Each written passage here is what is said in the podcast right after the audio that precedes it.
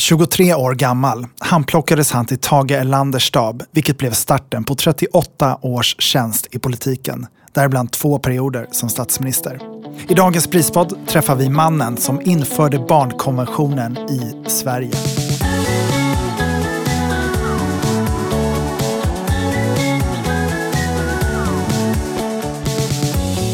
Ingvar Carlsson, välkommen till Prispodden. Tack så mycket. Eh, när vi pratade lite inför att du skulle medverka här så skämtade du lite och sa just där att du försöker gå ner till sex timmars arbetsdag. Ja, det försöker jag. Men eh, jag har ju också sagt att nu ser det slut på offentliga framträdanden. Men det är en sak att säga det. Sen när man står inför konkreta frågor som BRIS, då eh, är det svårt att säga nej. Så nu sitter jag här. Hur ser dagarna ut idag? Vad fyller du dem med? Ja, vi har ju hälsoproblem i familjen. Min fru har problem så att eh, jag ska sköta ett hem och jag ska ta ansvar och så är det datorn som vill ha svar. Så att eh, det blir i realiteten betydligt mer än sex timmars arbetsdag. Jag förstår. Jag förstår. Um... du, du har sagt vid ett tillfälle att det bästa sättet att mäta hur pass anständigt ett eh, land är, är att undersöka barnens villkor i landet. Ja, det tycker jag. För fungerar inte de, eh, om inte barn får vaccination, om inte barn eh, får rent vatten, om inte barn får en möjlighet att gå i skola, då är det inget anständigt samhälle. Mm. Det kan man klart säga. Eh, så att det är en bra mätare och en bra sätt när företrädare för stater är lite stöddiga och säger att de har skapat ett så utomordentligt samhälle. Det var intressant. Och så ställer man frågor om barnen. Och då brukar det visa sig för alla våra länder att det finns brister, inklusive välfärdsstaterna mm. i världen. Så, så är det ändå så att inte alla barn har det tillräckligt bra. Mm. Inte heller i Sverige. Hur, om man skulle ställa den frågan, hur pass anständigt är Sverige 2018? Jämfört med andra länder i världen anständigt men med våra egna mått och krav inte tillräckligt bra. Mm. Det finns barn i Sverige som har det väldigt dåligt. Utsatta barn, eh, sexuella övergrepp. Eh, skolan fungerar inte alla utan, för alla utan vi har en segregerad skola mm. på många håll. Mm. Så det är mycket lätt även i Sverige att hitta arbetsuppgifter. Mm. Och på ett sätt det är väl bra att vi ser det och eh, antar den utmaningen. Och att vi har eh, en skola som är ansvarig, att vi har att vi har ideella föreningar, att vi har BRIS i samhället. Så det ger oss verktyg. Mm. Men vi får inte slå oss till ro och säga att i Sverige är bbättre än andra länder så vi behöver inget göra. Mm. Under din tid som statsminister så ratificerade ju Sverige eh, barnkonventionen 1990 eh, som ett av de första länderna i världen. Och du har berättat att du var starkt inspirerad av eh, Lisbeth Palme som var rådgivare under den här processen. Vad var hennes argument kring barnkonventionen? Ja, det var ju inga problem när det gällde att vi skulle stå bakom barnkonventionen. Det kommer jag inte ens ihåg för det var en sån självklar process. Men vad jag kommer ihåg det var när sen den skulle ratificeras. Och Lisbeth och jag satt och talade vid ett tillfälle om eh, hur det här nu ska lyckas och riskerna för att det skulle bli en utdragen process. Och så säger Lisbeth, du borde du borde kalla ihop alla världens regeringschefer och statschefer till ett möte i FN. För det kommer att sätta press på dem. Där vill de vara med och när de står där så kommer de lova en massa saker i talarstolen. Och först tänkte jag att det där är ett omöjligt projekt. Men det behövdes inte lång stund så var vi överens om att det där skulle vi satsa på. Mm. Och när vi nyligen hade eh, vårt seminarium eh, inför det här beslutet från regeringen att nu ska barnkonventionen bli lag så ringde jag Lisbeth och talade om för henne. Jag kan försäkra er att hon blev väldigt, väldigt glad mm. och lycklig. Mm. Eh, hur, hur, var det att sitta jag tänker liksom i, i de här förhandlingarna och i de här samtalen? Och vad, vad, vad var det för typ av frågor som kom upp från olika länder? Och... Ja, det som förvånade mig var hur glada och stolta alla var över att eh, komma till New York. Mm. Och eh, det enda de var missnöjda med, det kom ju så många stats och regeringschefer så att vi var tvungna att begränsa talartiden till, jag tror det var tre minuter.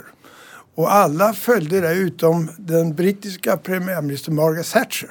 Hon sa, har jag åkt från London till New York så nöjer jag mig inte med tre minuter. Och det var väl på sätt och vis bara bra att hon visade att hon ville mm. tala länge. Men, men det var fantastiskt att höra alla dessa tal från rika länder, från fattiga länder, eh, från demokratier och från diktaturer som gick upp och hyllade barnens rätt i samhället. Det var, det var ändå hoppfullt på något sätt. Mm. Um, du har sagt att man kan ratificera en konvention av flera anledningar. Antingen för att göra skillnad i det egna landet eller för att man tycker att det behövs internationellt. Eh, vill du utveckla det? Ja, det finns ju alltid risker med konventioner att eh, eh det är olika, väldigt olika motiveringar. Det är mm. inte det är en enighet att underteckna en konvention men det är inte en enighet om motiveringen. Än mindre om ambitionen hur snabbt man vill leva upp till mm. konventionen. Mm. Så att den är bra, den är viktig men i barnkonventionen så var det säkert så att det var de eh, regeringschefer, regeringar och parlament i världen som brann för barnen. De var faktiskt inställda på att vi ska göra något konkret. Eh, över till de som inte ville stå utanför. Som, som liksom nästan skämdes för om de inte skulle åka mm. dit. Och idén med barnkonventionen var ju inte minst att sätta press på de här länderna. De som, de som man fick eh, så att säga skjutsa på eller dra dit eller något sånt. Så det, det, är en väldig, men det är inte unikt för barnkonventionen. Nästan så på alla konventioner att det är väldigt varierande eh, motivbild och det är väldigt varierande hur snabbt man gör något eh, praktiskt. Vad hade du för förhoppningar tänker jag att eh, barnkonventionen skulle leda till? Ja, för det första att vi skulle få en snabb ratificering mm. och det gick ju över förväntan och det tror jag Lisbets eh, idé var briljant. Det, det, det, hade aldrig gått så här snabbt om inte, inte Sverige och så ett par andra länder eh, tog det här initiativet till mm. barntoppmötet. Men eh, sen så visste jag ju att innan det här blir lag i olika länder det är en väldigt lång resa. Mm. Det var vi klara för början. För det är, skillnad, det är en enorm skillnad mellan en konvention som man får eh, idéer om vad man ska göra och en, en, eh, en inspiration och en påtryckning till en lag mm. som säger att du måste göra. Mm. En konvention, det kan du ändå, mm. du har ett tolkningsföreträde på det. Och jag tänker just den här frågan, det kan ju vara något som kanske gemene man kan tycka är lite svårt att förstå ibland. Vi har ratificerat barnkonventionen för 28 år sedan och nu samtalar vi om att den ska bli lag. Eh, vad, vad, är, vad är egentligen skillnad och vilken betydelse skulle det göra om barnkonventionen blev lag? Jo, det finns ju skäl varför, varför den inte har blivit lag. En lag, då måste du följa den. Och det är många jurister, inte minst, som har sagt både i Sverige och andra länder att, att det klarar vi inte. Det, det, det är alldeles för osäkert och eh, det visar även den här processen i Sverige nu att, att det finns de som menar att det här går inte att leva upp till i praktiken. Men vi kan säga att Norge har gjort det och jag kan väl ärligt säga att jag hade hoppats att det skulle gå snabbare än så här. Men jag var ju kvar ett antal år, inte många men ändå. Jag var kvar eh, från 90 till 96 och då hade vi inte Sverige heller infört en lag på mm. min tid. Så att, eh, där, där, och det har att göra med just detta att det blir så definitivt och mm. man kan inte riktigt överblicka konsekvenserna och vad, var, vad, vad leder det till i praktiken. Mm. Och det har gjort att det har dröjt. Men desto gladare är jag nu när det blir lag i Sverige och jag får uppleva det. Varför då? Därför att det blir ett bättre eh, land att leva i för barnen. Mm. Och eh, säkert också för barnens föräldrar. Mm. Och även vi morföräldrar, många av oss, eh, ser med, med förväntan fram mot, mot vad det här innebär för barnen. Mm. Um,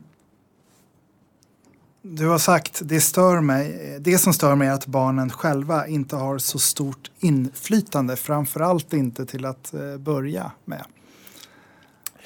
Nej, det är ju så att vi har en tradition att eh, eh, barndomen är en lärotid. Då ska man lära sig saker och man ska förbereda sig för ett liv.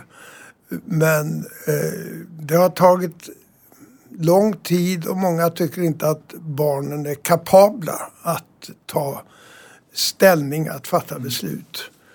Eh, jag upplevde det redan som utbildningsminister och när jag var ansvarig för att vi skulle genomföra en förskola i Sverige och förskola, hur mycket av, av så att säga beslutsfunktioner, beslutsmöjligheter skulle vi förbereda barnen på.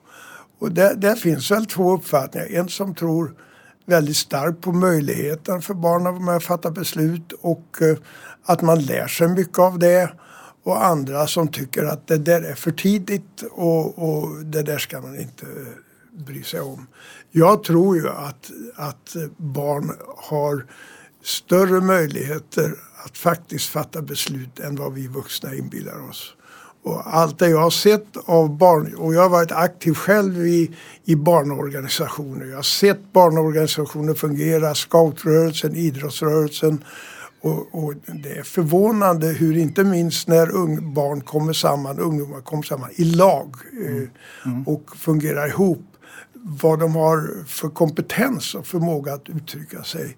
Och när jag lyssnar idag på TV till exempel när man intervjuar barn i skolan Eh, barn eh, i fotbollsföreningar eller skidåkare. Så jag måste säga, jag blir imponerad och glad över hur väl de formulerar sig, hur klara uppfattningar de har.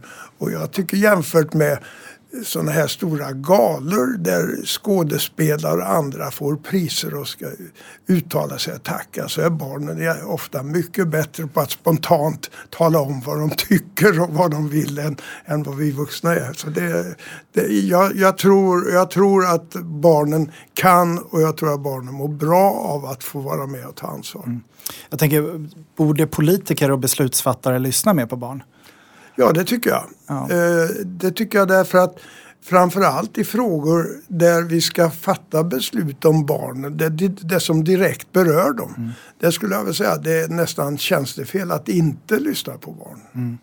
Och dessutom är det väldigt roligt. Det, det, eh, den det roligaste jag hade som utbildningsminister det var ju att vara ute i skolorna, i skolklasserna och, och läraren ställde sig vid sidan och jag fick ta över och uh, samtala med barnen. Det, det har man en oerhörd nytta av som politiker.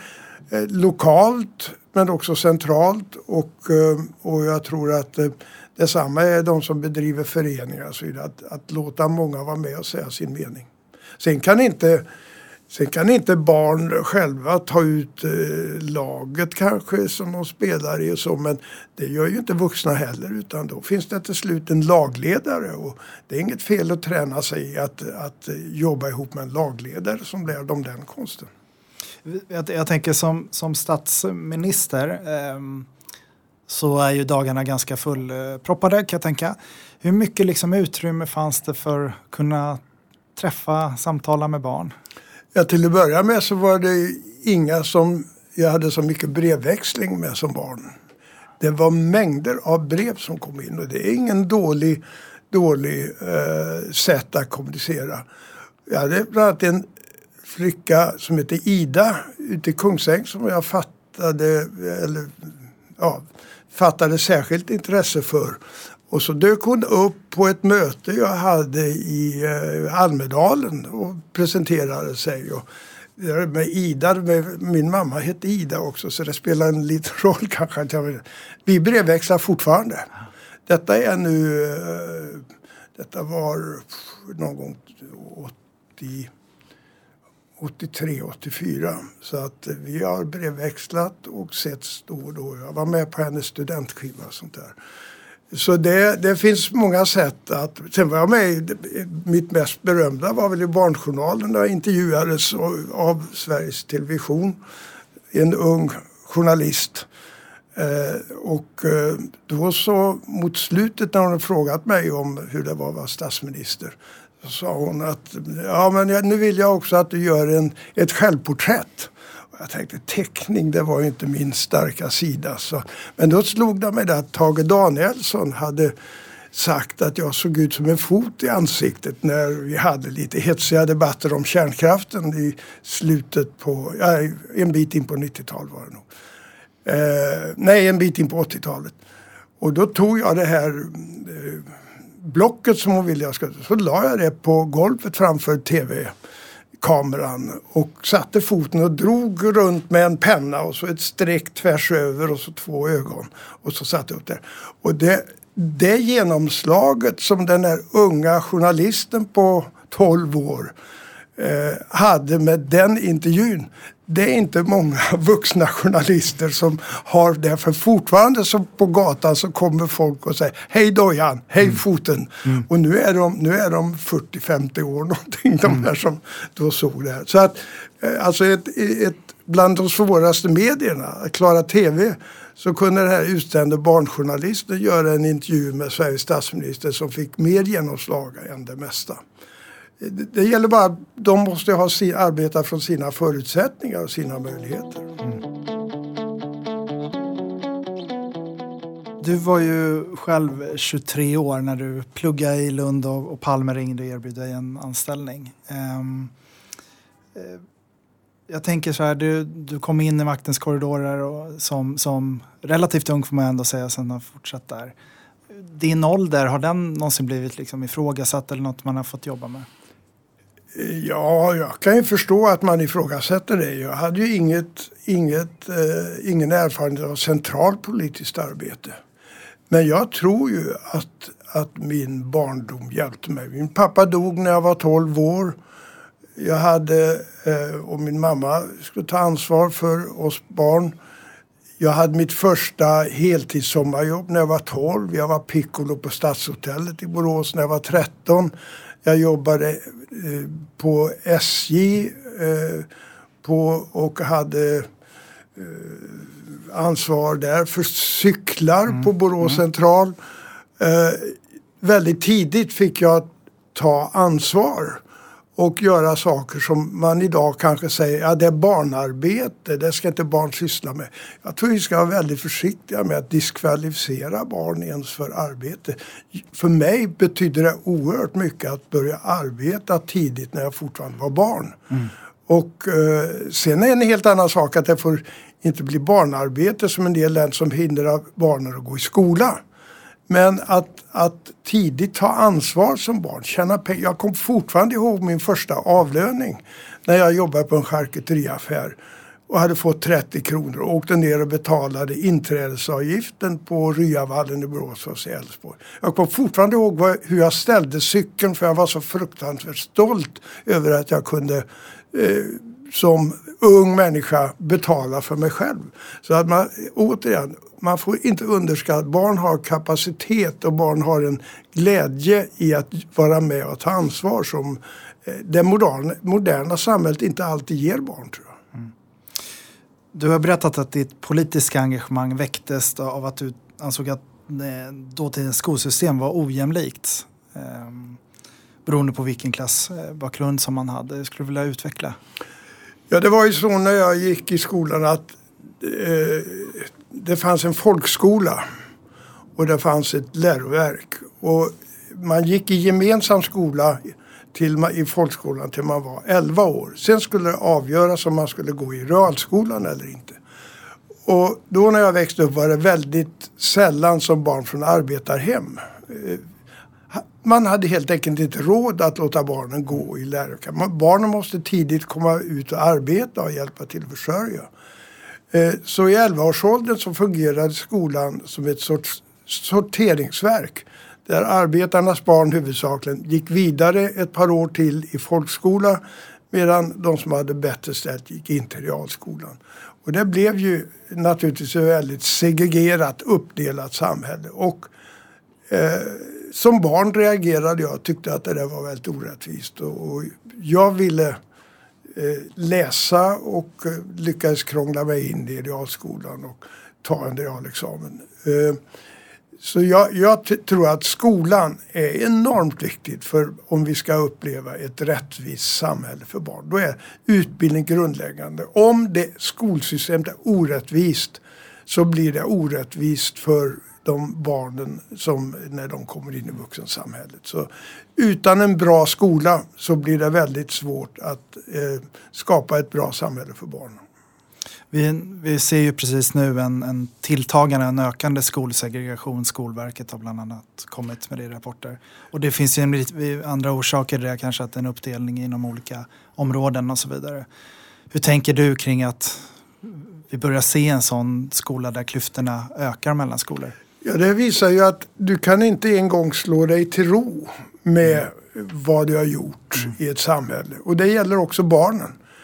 Och det är riktigt som du säger, nu i, på, inom skolans område har vi tilltagande problem i realiteten. Och det är väldigt viktiga alarmsignaler som gör att om vi menar alla barns rätt till utbildning och rätt till att förverkliga sina livsmål. Då måste skolan fungera bättre än vad den gör idag. Mm. Vilka, om, om, ur ditt perspektiv, vilka tycker du är de största utmaningarna eller det som inte fungerar idag? Inom skolan? Ja. Eh, det är att eh, det blir så olika beroende på i vilken skola du går.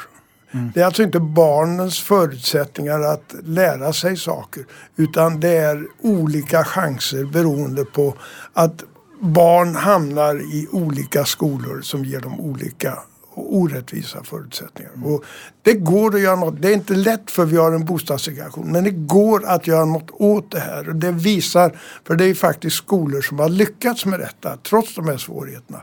Man måste lära sig av de goda exemplen och vända den här kurvan. Mm. Jag tänker från, från politiskt håll, finns det saker du, som du anser att man borde göra? Jag har ju sagt att dagspolitiken, där var jag i 38 år. Och när jag lämnade så sa jag, jag kommer inte att sitta på läktaren och uh, kommentera och ge råd. För jag har tillräcklig tilltro till den nya generationen. För mm. De inser det här och de, uh, de ser de här problemen, också de som vi nu talar om. Och jag har en grundläggande tro att de vill göra något åt det här. Dessutom, jag har varit utanför politiken i 22 år nu. Jag börjar bli lite ringrostig och jag har sagt mig att jag ska undvika att hålla på med offentliga uttalanden. Så att exakt vad de ska göra det överlåter jag med förtroende och varm hand åt dagens generation av politiker. Mm. Um, och då kanske inte vi svarar på nästa fråga också, vi får se. Men jag tänker en av våra, eh, de stora frågorna just nu det är ju den migrationsfrågorna och den, tilltag, ja, den problematik som, som beskrivs på olika sätt kring det. Ehm, jag vet inte om du vill kommentera Socialdemokraternas svängningar kring, kring det här? Eller? Nej, det är, vare sig du hade varit journalist eller annat så är sen 22 år så får svaret att dagspolitiken den går jag inte in i. Av delvis skäl att jag inte följer med på det sättet. Det, det är så lätt att tro att en före detta statsminister har koll på allting. Men man blir väldigt fort, eh, kommer väldigt fort vid sidan och jag är tidningsläsare och så men jag anser mig inte kompetent att, att eh, ikläda mig någon, någon rådgivarroll till politikerna idag. Jag har principiella uppfattningar om barnens rätt i samhället. Det har jag inget svårt att uttala mig om. Men de konkreta åtgärderna det, det ska de eh, diskutera och också ställas till svars för. Det finns ju många eh, utmaningar kring integration och många eh, röster som höjs kring hur vi bättre ska kunna ena Sverige. Jag tänker, Socialdemokraterna är ju sprungna ur en folkrörelse. Hur, hur, bygger man upp en gemenskap mellan människor? Vad är dina tankar kring det? Ja, det tar lång tid och det är mödosamt. Eh, men det kan vara väldigt snabbt att man raserar förtroende. Mm. Och vi, vi upplever ju nu jämfört med när jag växte upp mycket större påfrestningar. Vi, förr levde vi i en nationalstat kan vi säga med där visserligen hade man ett utbyte med andra länder och så men eh, det har nästan skett en revolution när det gäller eh, kontakter eh, på det här jordklotet. Vi människor har med hjälp av teknik, med hjälp av nya kommunikationsmedel, eh, tack vare ekonomi så har vi kommit varandra väldigt mycket närmare på gott och ont. Men eh, det som då är problemet det är ju att vi måste försöka hantera denna ökade rörlighet och att människor flyr från krig och elände och söker sig till andra länder. Och där i princip tror inte jag att, att det, man kan klara problemen genom att bygga nya gränser. Det kommer inte, för det första inte att fungera och dels så kommer man att skapa en farligare värld på det sättet. Så eh, eh, ibland så kan jag säga att vi som var politiker för 30-40 år sedan hade lättare att klara vissa saker. Vi kunde inom nationalstatens ram, vårt land Sverige, mm. bestämma och göra saker lättare än idag då vi, är, vi lever i ett Europa, vi lever i en värld och människorna har kommit varandra mycket närmare. Och de problem som finns ute i världen och som vi inte kände så mycket av för de har vi så att säga in på knutarna nu och det, det är väldiga stora utmaningar som vi står inför och som vi förvisso inte har klarat tillräckligt bra. Jag tycker att Europa under den här senaste krisen, om jag inte ska säga något, så tycker jag Europa har misslyckats med att forma en, en ansvarsfull gemensam politik. Och det är sorgligt och det kan också vara farligt. Mm. Du sa i en intervju för ett par år sedan att det parlamentariska läget i Sverige är det allvarligaste sedan demokratins genombrott. Eh. Ja, det är det och svårare. Vi har många partier, vi har ett proportionellt valsystem som gör att eh, det är inte enkelt men det är jämfört med ett majoritetsval mycket enklare att komma in i riksdagen. Och eh, samtidigt har vi genomfört en blockpolitik i Sverige. Alltså vi har i huvudsak två eller om man så vill tre block. Man, man har de rödgröna, man har, man har Alliansen och man har Sverigedemokraterna. Och eh, eh då Eh, är det min uppfattning med ett proportionellt valsystem att det förutsätter ett samarbete mellan partierna.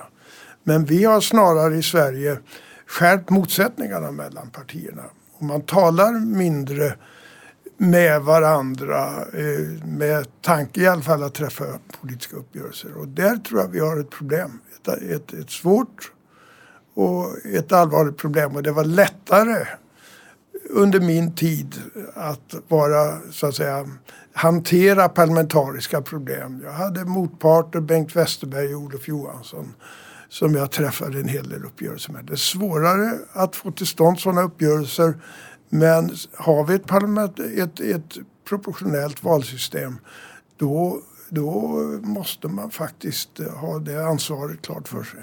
Hur ser du på dagens liksom, politiska debattklimat? Ja, överhuvudtaget det politiska klimatet i Sverige, i Europa, i världen, USA mellan länder eh, har blivit hårdare. Mm. Det, eh, och dessutom har kommit till de sociala medierna.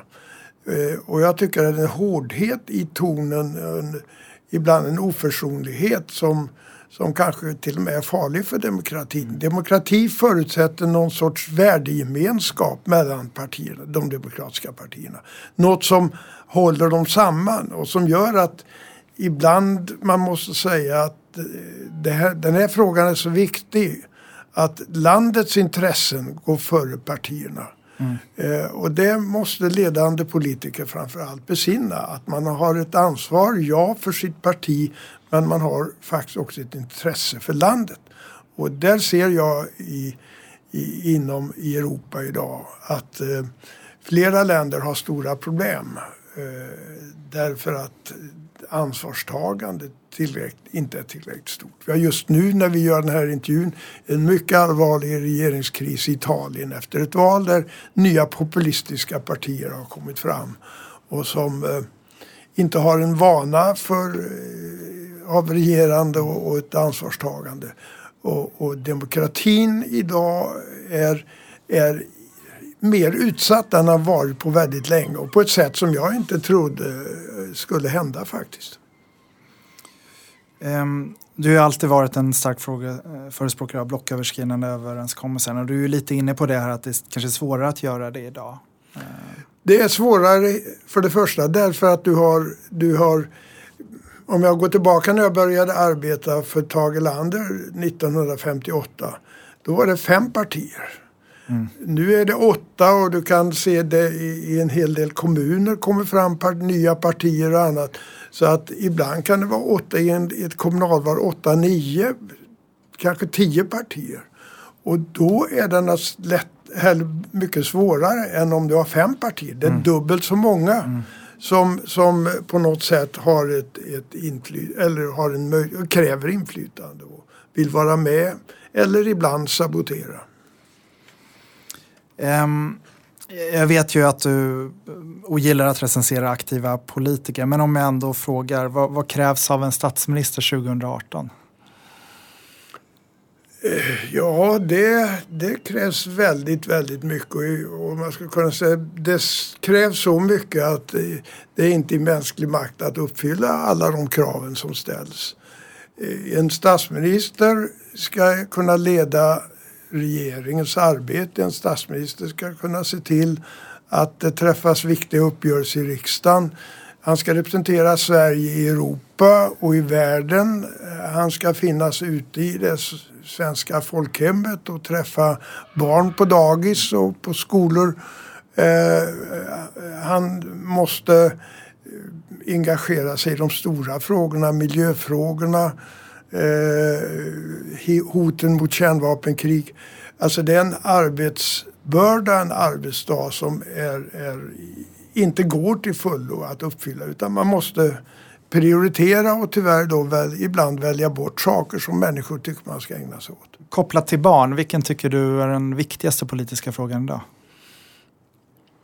Menar du i, i världen så måste jag säga då är det överlevnadsfrågorna. Det är eh, att barnen får en chans att, att uh, undkomma barnsjukdomarna och hoten och få vaccination, få vatten, få tillräckligt med mat om, om, eh, och senare utbildning. Om jag ser till Sverige så hamnar jag nog ändå i skolan. Alltså att den, det är så viktigt att vi har en skola som ger chansen till alla barn. En förskola och skola.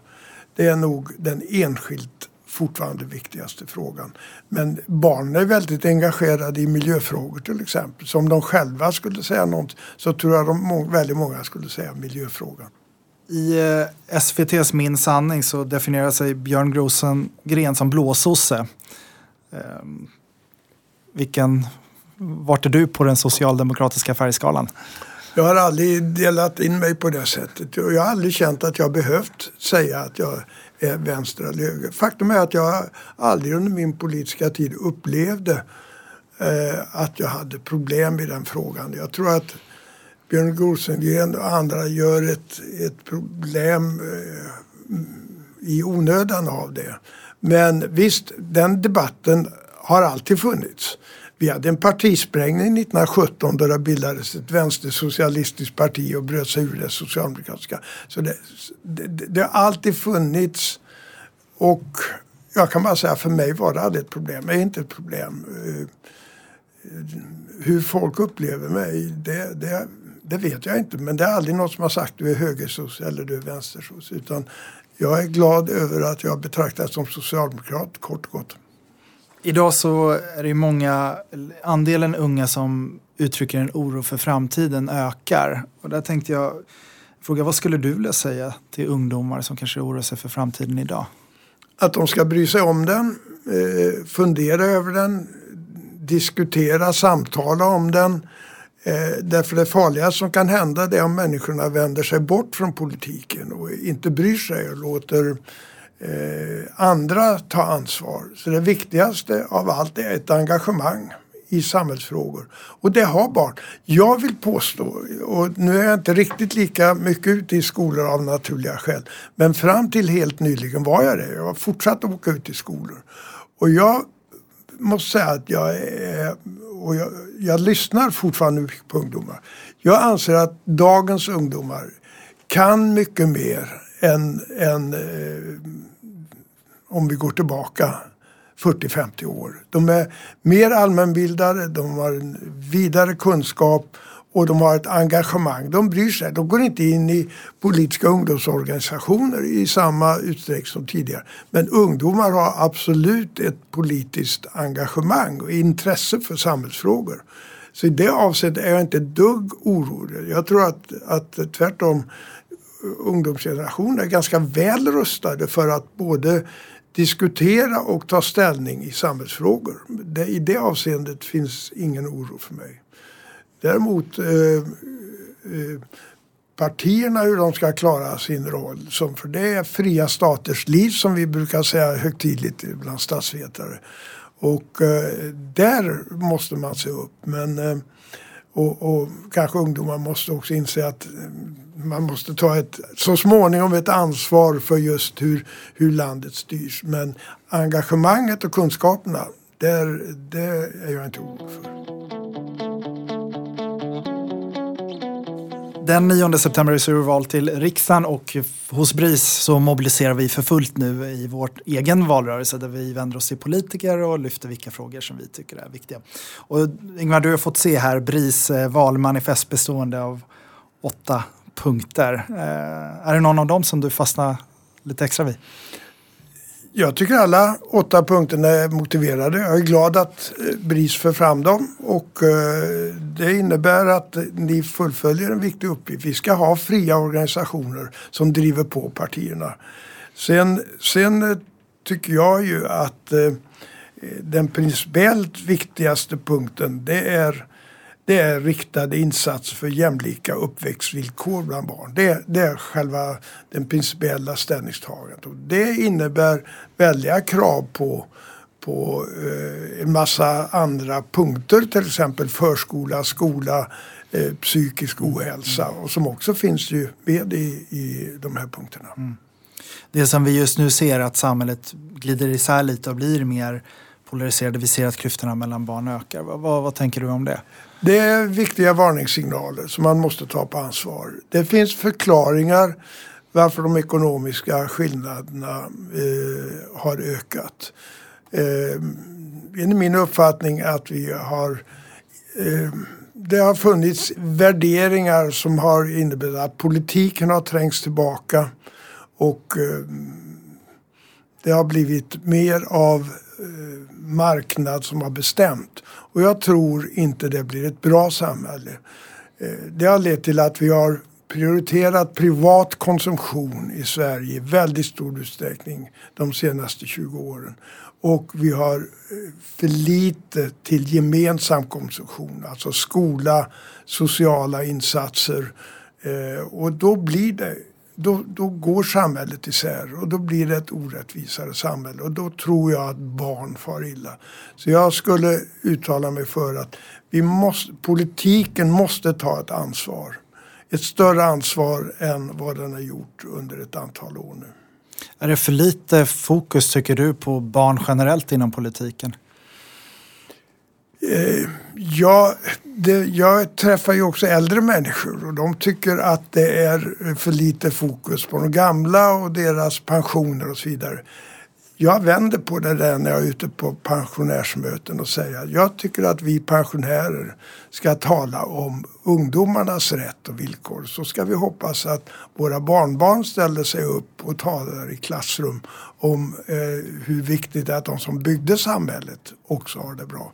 Jag tror att samhället mår bra av om vi så att säga ställer upp för varandra på det sättet. Och då är det naturligt för mig så här. Jag känner mig mer engagerad när jag då möter en skolklass och talar med barn. Då vill jag gärna lägga mitt engagemang på att de ska ha det bra. Och så är jag glad om de barnen eh, engagerar sig för sina morföräldrar, farföräldrar och mormor och farfar och hur de har det. Om du skulle formulera en valslogan idag, hur skulle den se ut? Ja, det finns så mycket som jag skulle ge mig i kast med ro. Men eh, jag skulle vilja ett, ett samhälle där alla har möjligheter att förverkliga sina drömmar. Det, det är för mig det grundläggande. Att samhället måste se till att individen får en möjlighet att förverkliga sina drömmar. Tack för att du var med i Brispodden. Tack så mycket. Det var trevligt att få vara med. Vill du precis som jag kämpa för en bättre barndom? Bli barndomsvän på bris.se.